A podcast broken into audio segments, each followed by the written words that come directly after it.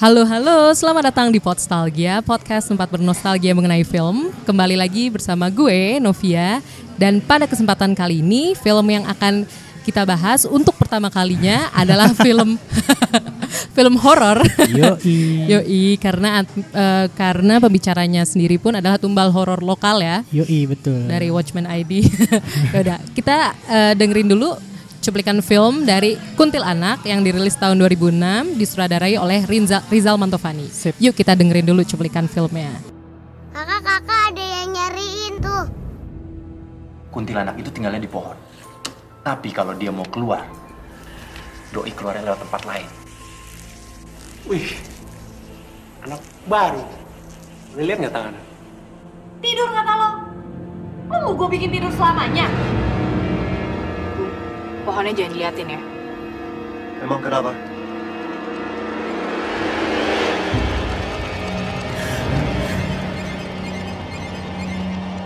Mau sampai kapan kamu begini ke aku sih? Lo denger juga gak sih tadi ada suara-suara aneh dari dalam kamar gue?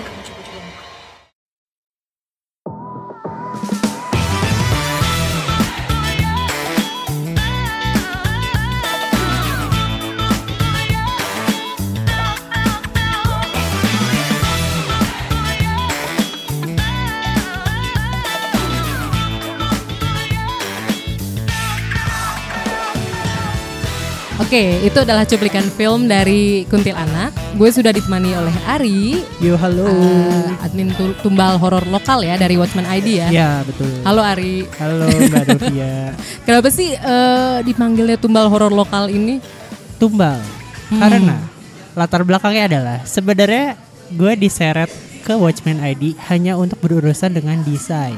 Desain. Tapi suatu saat karena tidak ada yang mau menonton lagi film horor lokal di Watchmen, akhirnya gue ditumbalkan. Hmm. Ya karena basically gue suka film horor, film horor dan juga apa ya emang suka aja. Terus gak ada lagi yang suka nonton film horor, jadi ya udah akhirnya gue ditumbalin. Itulah Tapi- asal usul kenapa Ah. gue dipanggil tumbal horor khususnya lokal. Khususnya ya, jadi nggak Khususnya terbatas lokal. lokal. Nggak, nggak terbatas. Oh. Nggak tumbal, ya nggak tumbal horor internasional gitu ya. Eh, kalau internasional soalnya masih banyak yang mau nonton seperti Bapak Oh. Rowan. Tapi Bapak Rowan juga horor lokal suka akhirnya gitu. setelah beliau join dengan Watchmen akhirnya aku ada teman. Ah, bukan cuma Ari sendiri ya. Betul. Mm-mm. Berarti tumba, Rowan tumbal ho- horor lokal 2 sebenarnya. Sebenarnya Begitu. bisa merangkap sebagai itu. Oke, nah kita lanjut ke pertanyaan paling mendasar nih. Kenapa sih Ari pilih film Kuntil Anak ini?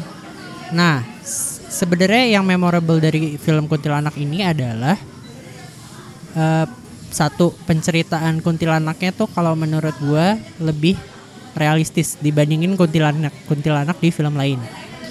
Karena apa ya? Karena kan kuntilanak sebenarnya banyak versi di aslinya pun, tapi yang yang menarik dan yang mendekati ke sebenarnya itu adalah yang si kuntilanak 2006 ini. Oh, yang Julia Estelle. Ah, Uh, uh, uh, uh. Karena kan kebanyakan kuntilanak diceritakan hanya sebatas kayak ya udah cewek suka ketawa hahaha hihi Iya. suara melengking Iya. rambut panjang terus kayak gaunnya putih ya udah terus kayak semuanya dibuat oh itu kuntilanak tapi se- Hmm. yang diceritain di kuntilanak 2006 ini Mm-mm. itu dia eh, diceritakan kuntilanak yang rasnya setengah kuda Jadi banyak emang rasnya. banyak Oh. ah, jadi kayak ada kuntilanak yang setengah kuda ada kun- bahkan ada kuntilanak cowok Ada yang cowok. Ada, Tapi ada. kayaknya Indonesia hampir nggak ada ya film yang ngebahas kuntilanak cowok. eh kayaknya nggak ada Iya, belum ya? belum belum seingat gue pernah di mention Oh. tapi bukan di film kayak di reality show apa gitu Yang mungkin ada kaitannya sama Iya, horor juga ya. iya, ada yang kaitan horor cuman gue lupa di yang mana tapi pernah di mention kuntilanak cowok Hmm. Tapi eh, unik banget sih kenapa Ari pilih film ini karena Hmm. emang tapi menurut gue bu- yang bukan penggemar horor pun film Kuntilanak ini cukup timeless sih untuk Hmm. tetap ditonton sampai tahun 2017 ini eh sorry 2019, 2019 ini ya. ya. Kayak udah 13 tahun berlalu tapi kalau ditonton tuh tetap ada kerasa build up ceritanya. Iya, betul. Ya Nah, kan? sebenarnya yang beda juga dari kuntilanak ini adalah kalau misalnya film horor-horor yang baru sekarang adalah dia ya udah ngeluarin jump scare, penjelasan latar belakang kenapa dia muncul segala macam itu baru di belakangan. Dan dia tuh kesannya kayak ya udah diadain doang. Hmm. Kayak cuman sekilas tapi nggak berdampak. Sebenarnya kayak nggak terlalu berdampak sama keseluruhan cerita karena udah di awalnya udah ya udah jump scare tapi jump scare yang nggak jelas cuman buat nakut-nakutin doang. Sementara kalau di kuntilanak ini dia di, bahkan hantunya muncul baru di akhir-akhir kan si kuntilanak yang beneran munculnya tuh baru di akhir-akhir meskipun di awal-awal muncul sekilas tapi dia build up dulu kayak latar belakang kuntilanak itu sebenarnya apa Mm-mm. terus kuntilanak yang di universe yang ini tuh siapa sih sebenarnya yang keluarga yang penjaga kosannya itu kan segala macam Iya, ternyata turun temurun. ternyata turun temurun itu dijelasin di awal sebelum akhirnya si kuntilanaknya memunculkan diri gitu loh menampakkan menampakkan dirinya sementara kan kalau sekarang ya udah hantunya muncul dulu dan di belakang baru dijelasin latar belakangnya tapi ya udah Iya. yang kesannya ya udah gitu loh oh ya udah jadi dia muncul gara-gara ini Justru emang biasanya kan kalau orang yang emang suka horor atau mengemari film-film horor Hmm. tuh nunggu apa build upnya dulu kan Iya, baru betul. nanti Baru puncaknya klimaksnya Iya. baru dimunculin. Iya iya bukan di awal bukan di awal kayak kalau di awal aja udah dimunculin ya klimaksnya justru malah makin apa sih rasa Malah penasarannya hilang ya satu rasa penasarannya hilang dua klimaksnya jadi nggak dapet lagi ah Gitu loh. iya, iya, kayak iya. karena yaudah emang udah ditakutin dari awal jadi dari awal sampai akhir juga kayak rasanya akan konstan itu kayak film itu nggak sih? Pembunuhan kita cari Hmm. siapa pembunuhnya. Tapi pembunuhnya udah kita tahu dari awal kan nggak seru uh, dong uh, ya uh, kan? betul betul. Jadi Ah, sementara kan kalau di sini ya udah di build up dulu kita nggak tahu kuntilanak tuh apa. Iya. tapi kita kan dijelasin dulu cara manggilnya tuh di awal kan udah dikasih tahu dari awal. Nah kalau di film ini gimana sih? Nah, sebenarnya kalau di film ini sih dia build upnya bagus ya. hmm. Jadi dari awal tuh dijelasin asal usulnya, cara manggilnya tanpa diliatin sama sekali dulu kan Iya. awalnya. Terus udah udah udah pokoknya intinya perlengkapannya udah siap semua, baru si kuntilanaknya nih dimunculin gitu loh. Dimunculin jadi kayak oh ternyata kuntilanak yang selama ini diceritain tuh gini bentuknya gitu kan. Hmm. Jadi kayak setelah jadi ada ada bayangan dulu gitu. Oh, ini ini tuh yang selama ini dibahas tuh kayak gini. Sementara kan kalau di yang lain dimunculin jeng jeng jeng jeng dari awal sampai akhir tuh dibikin takut. Jadi kayak ya udah biasa aja gitu. pembagian apa rasa penasaran sama takutnya tuh Nggak udah ada. nggak ada nggak ya. ada. Ba- bahkan bisa Acak dibilang banget konstan gitu loh. Jadi Hmm. dari awal sampai akhir tuh rasanya sama. oh nggak ada apa ketika kita tegang gitu kan Mm-mm, terus kayak udah mulai iya. tenang eh ternyata mulai ada teka-teki lagi Iya, heeh. nah sementara di sini kan ya udah kita bener-bener clueless gitu loh, clueless Hmm. filmnya mau dibawa ke mana, terus baru dibahas. Oh, nanti kalau misalnya ada, jadi diceritain kan siling sirwung ini tembang durmo ini kan. Hmm. Oh, jadi cara manggilnya hal ini. Berarti mungkin kalau misalnya nanti di suatu saat film ini ada lagu ini, berarti mungkin akan muncul Ah, gitu kan. ya, jadi kan kita ya. kayak punya ancang-ancang. Oh, iya kan. Jadi kayak oh, lagu ini udah mulai nih.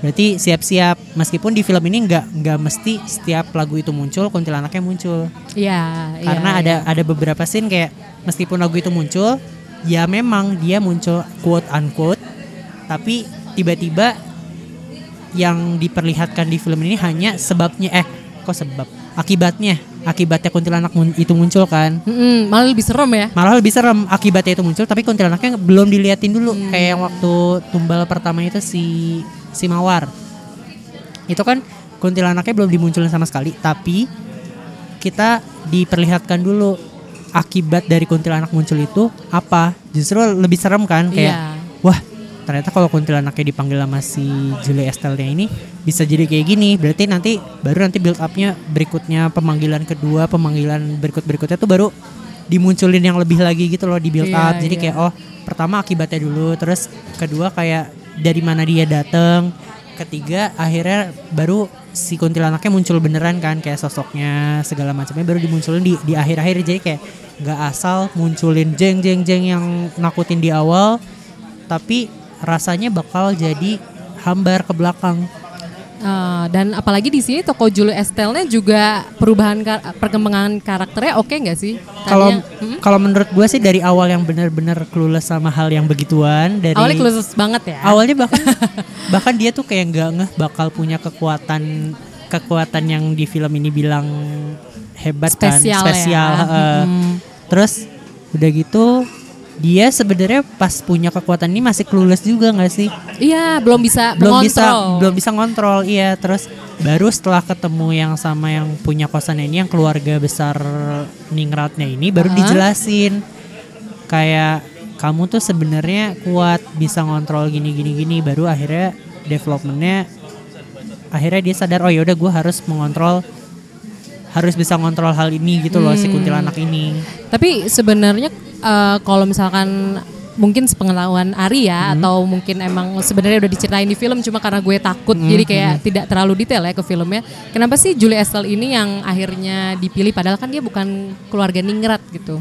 sebenarnya ya kalau milih kayak gitu bisa aja random Random ya? bisa bisa random Oh. sebenarnya jadi kayak kalau misalnya udah itu tuh jadi kayak wangsit itu bisa datang serandom apa pun.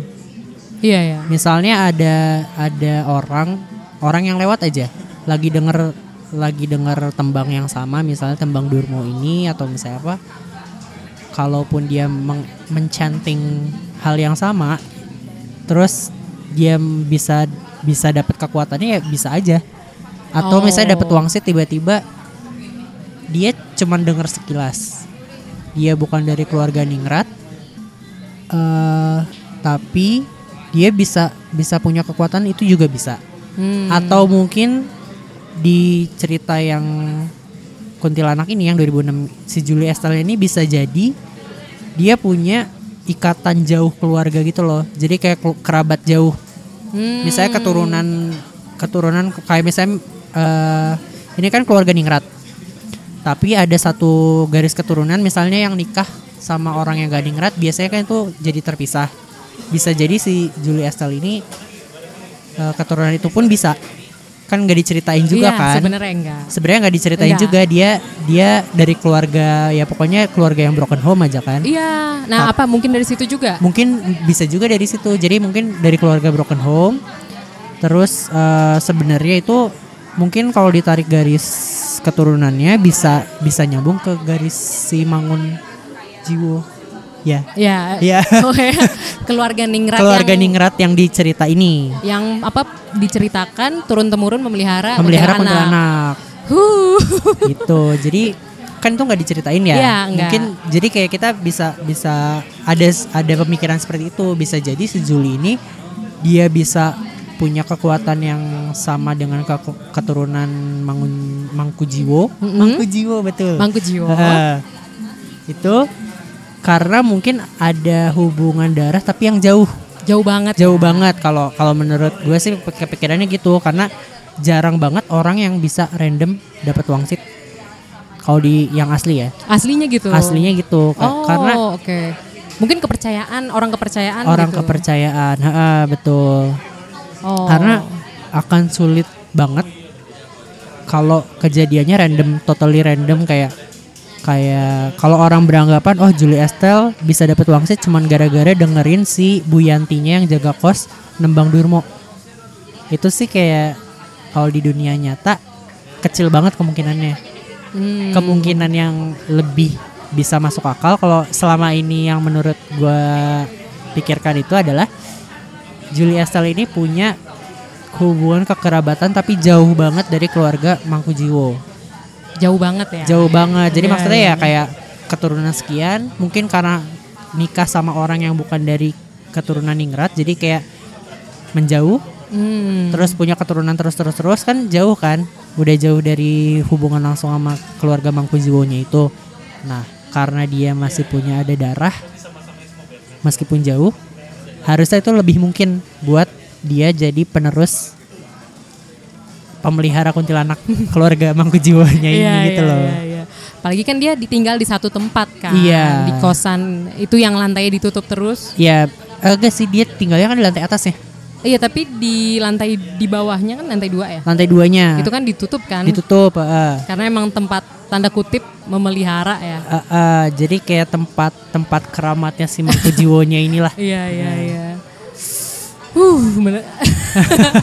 Sebenarnya tadi agak penasaran tapi Ah. agak takut juga. Cuma lebih ke penasaran sih. Jadi jadi mungkin nanti bakal nonton lagi sih habis ini tapi Ah. lebih detail mungkin Iya. ya biar nge oh ini asal usulnya eh, kenapa bisa punya kuntilanak mungkin ada perspektif lain ya yang Ah, baru. Tapi ah. kalau misalkan Ari sendiri eh, ngelihat film Indonesia lain gitu atau film horor lain lah Hmm. yang mungkin eh, menurut Ari seoke kuntilanak ini apa?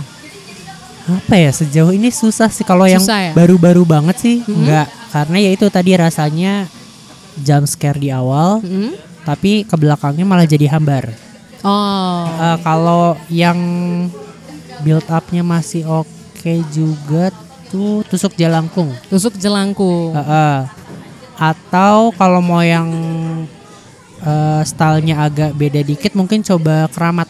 Keramat ya. Keramat, heeh. Itu yang kan mau di remake ya. kayaknya iya. Iya, itu dengar-dengar kan mau di-remake. itu kan yang stylenya dokumenter-dokumenter itu kan. Mm-mm. Itu beda aja feelnya. Oh berarti kayak eh, mungkin udah nonton The Blair Witch Project?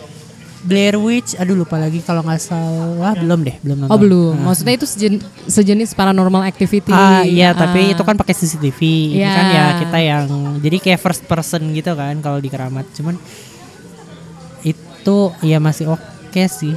Dibandingin Iya, iya. yang baru-baru sekarang tuh yang gua rasakan lebih ke meh.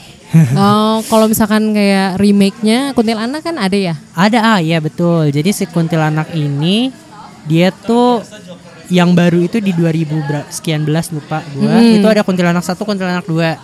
Itu sebenarnya kayaknya menceritakan kuntilanak yang sama tapi sedikit beda.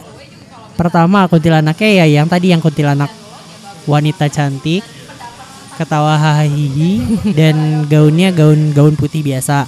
Meskipun cermin yang dipakainya masih sama, eh, makhluk yang mendampinginya masih sama, cuman dia tuh lebih dikonekin sama cerita anak-anak. Jadi emang apa bagian kuntilanak yang bagian anak-anaknya gitu Ah, ya? yang- Kan tadi kata Ari banyak tuh. Banyak Jenisnya. eh, nah, yang kuntilanak yang di sini kan kuntilanak peliharaan yang Ah. Julia Style. Nah, kuntilanak yang baru itu yang sampai dua dibikin seriesnya itu eh, itu lebih ke kuntilanak yang suka menculik anak-anak.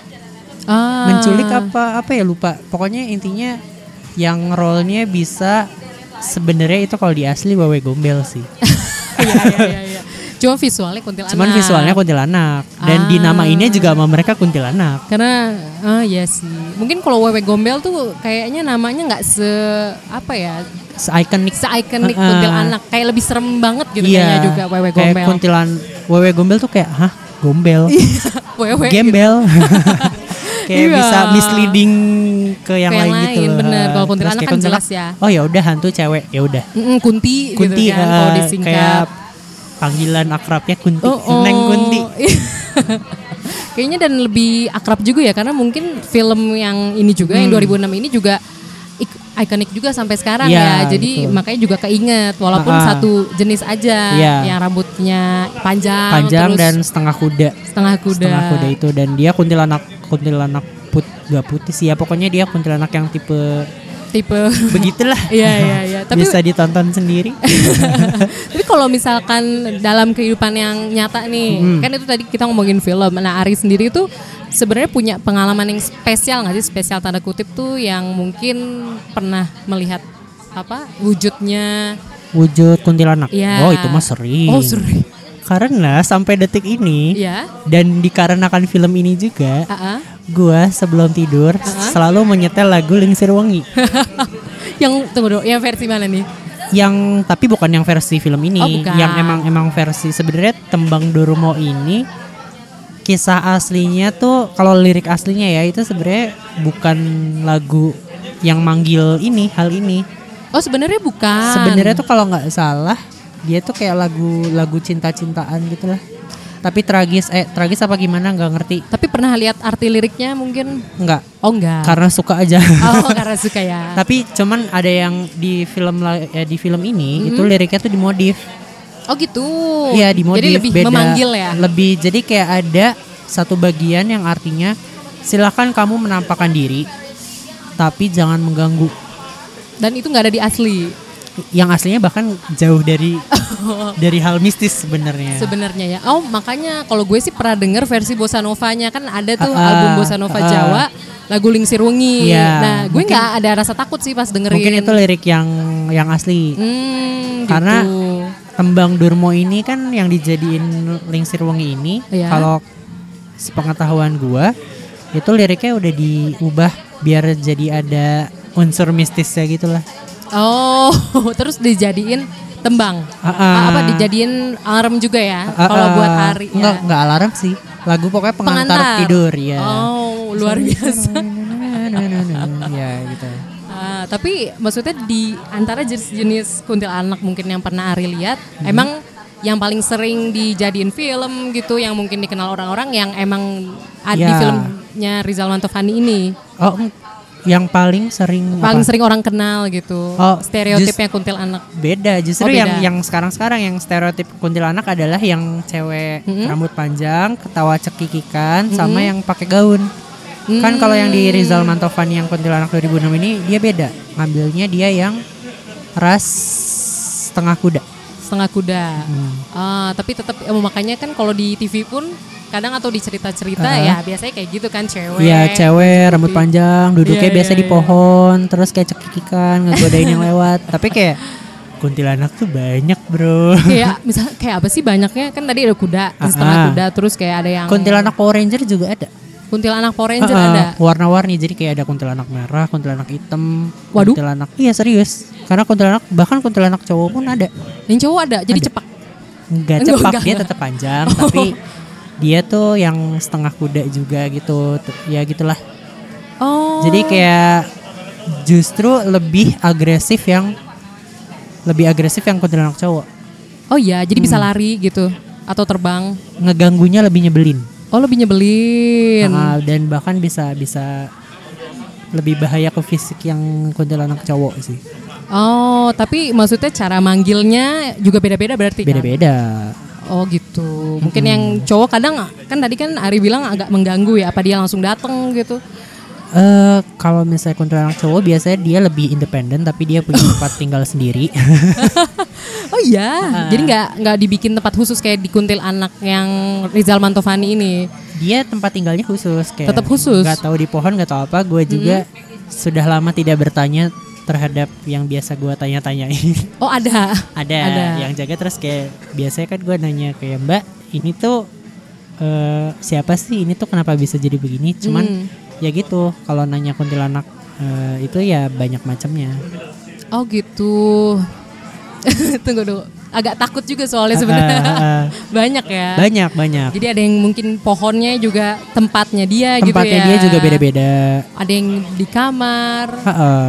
ada yang bahkan dulu di kosan gue yang lama Mm-mm. di tengah gang dia suka muncul. Dan itu bisa ngelihat Ari.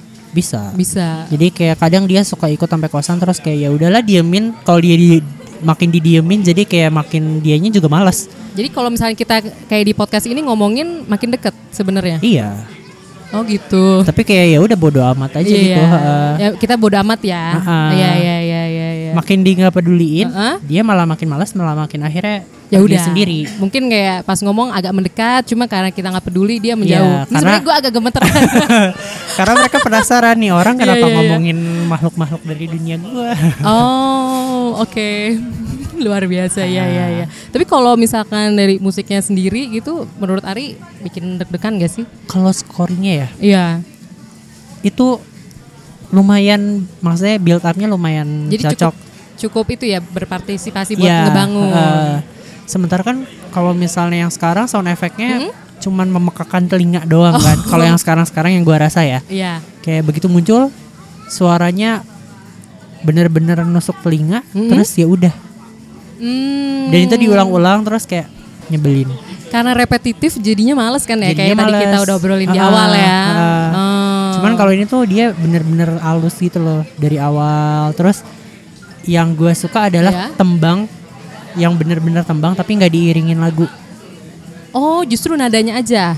Justru si orang nyindennya aja yang gue suka Oh, oke. tanpa tanpa diiringin lagu karena yang gue rasa kalau Aha. orang nyanyi suara lirih apalagi tembang Jawa Heeh. tanpa diiringin lagu sama sekali kayak instrumen gamelan segala macam itu lebih dapat kalau buat film horor menurut gue.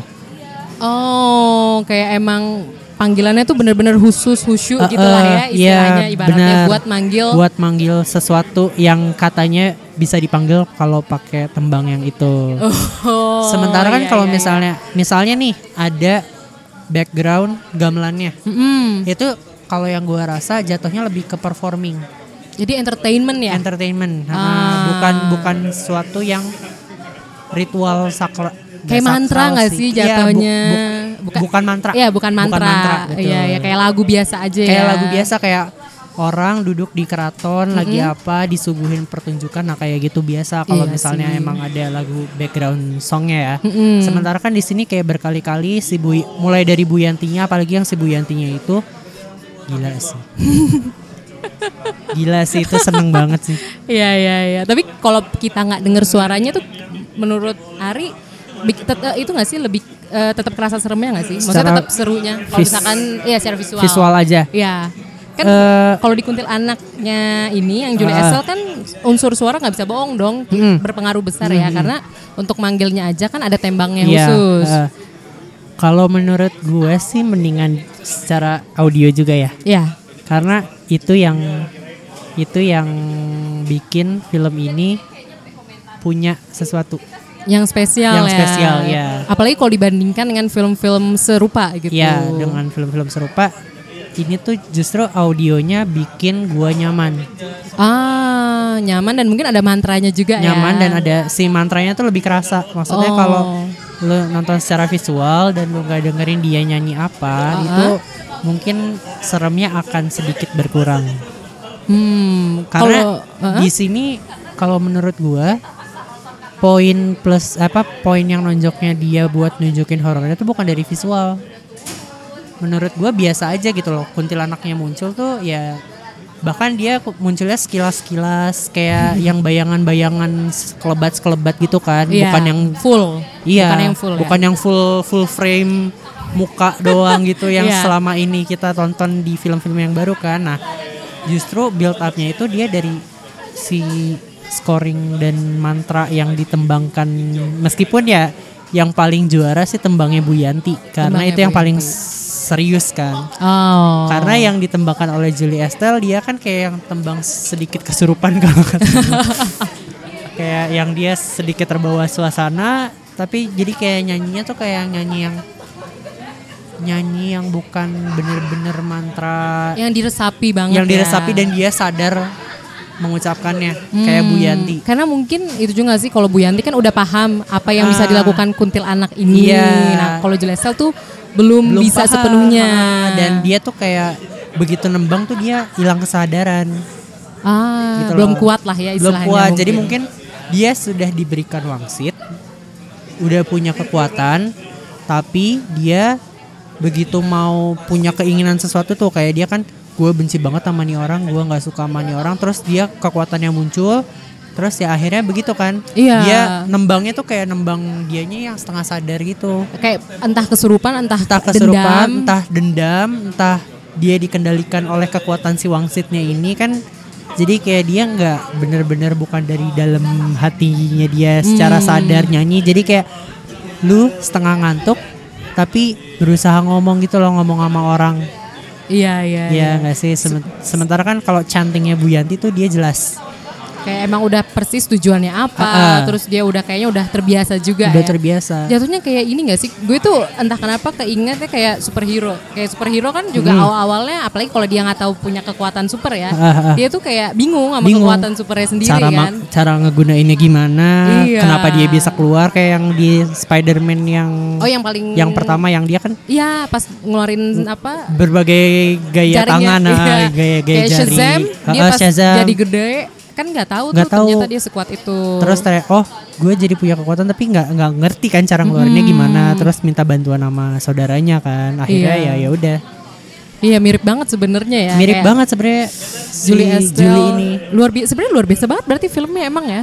Iya. Coba ada edisi spesial. Eh, eh, sebenarnya kayak yang gue dapat kemarin yang baru ini yang kuntilanak satu kuntilanak dua yang baru itu ini kayak kenal nih cermin tapi kok ceritanya beda gitu loh oh iya sama-sama ada cerminnya cerminnya ya. si cermin Gayatri atau cermin apa ya pokoknya Wow. cermin antik inilah yang punya si kepala kepala di atas di Eh, tengah eh. itu kan Iya. terus itu cerminnya sama persis sama kuntilanak yang satu dua yang baru Mm-mm.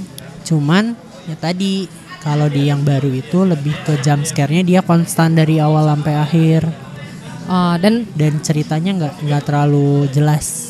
Maksudnya Ah, plotnya mau iya, dibawa iya. ke mana tuh nggak jelas. jadi penasaran kan kita ya. Lebih ke bertanya-tanya Oh sih. iya iya.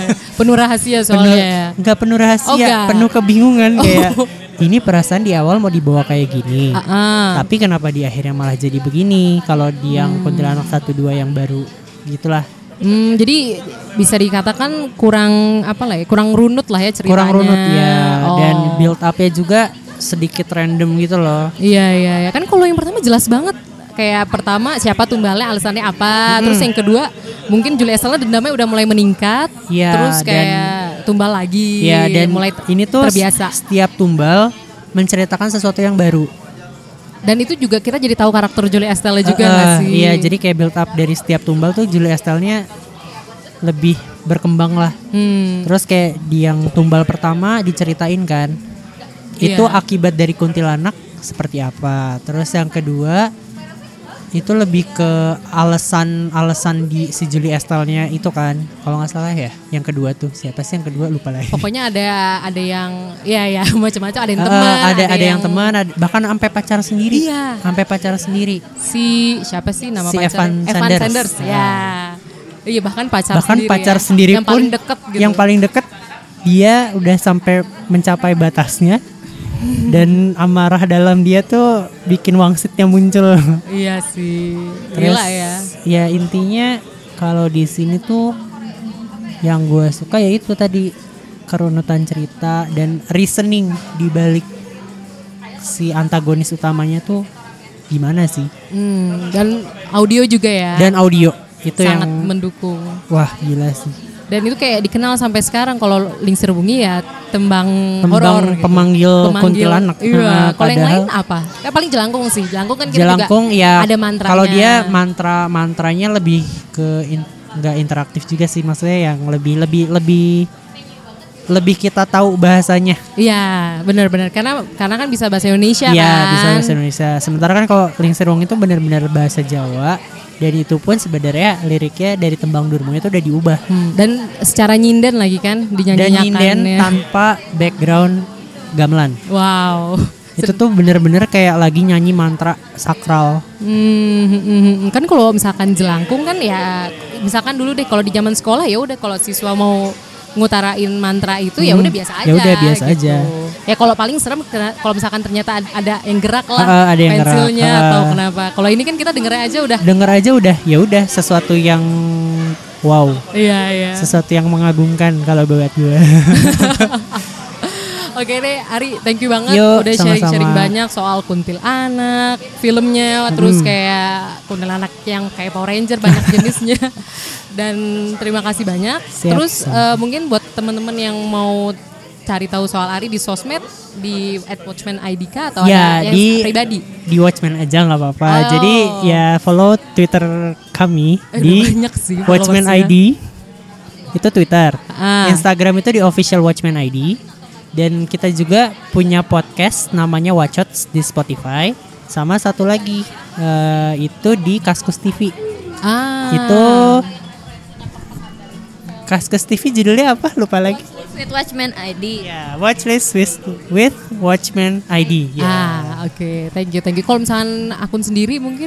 akun sendiri apa ya jarang aktif Oh, jarang Oh, aktif. paling itu di Twitter itu PRDTY Uh-uh. underscore VRI Oh. kalau misalnya di Instagram itu underscore-nya diganti titik doang sih. Diganti titik ya Ah. karena nggak bisa oh biar beda aja ya. Beda aja karena di Twitter nggak bisa titik. Iya bener bener bisa underscore ya. Heeh, Oke biasanya sekali lagi thank you banget Yo, Ari. sama-sama. Terus buat para pendengar Podstalgia yang mungkin mau kasih kritik atau saran atau komentar lain bisa langsung mention di Twitter dan Instagram di @podstalgia atau langsung email di podstalgia@gmail.com. Oke sekali lagi terima kasih Ari. Siap. Terus terima kasih untuk para pendengar Podstalgia yang sudah mendengarkan hingga titik ini dan sampai jumpa di episode selanjutnya. Bye bye.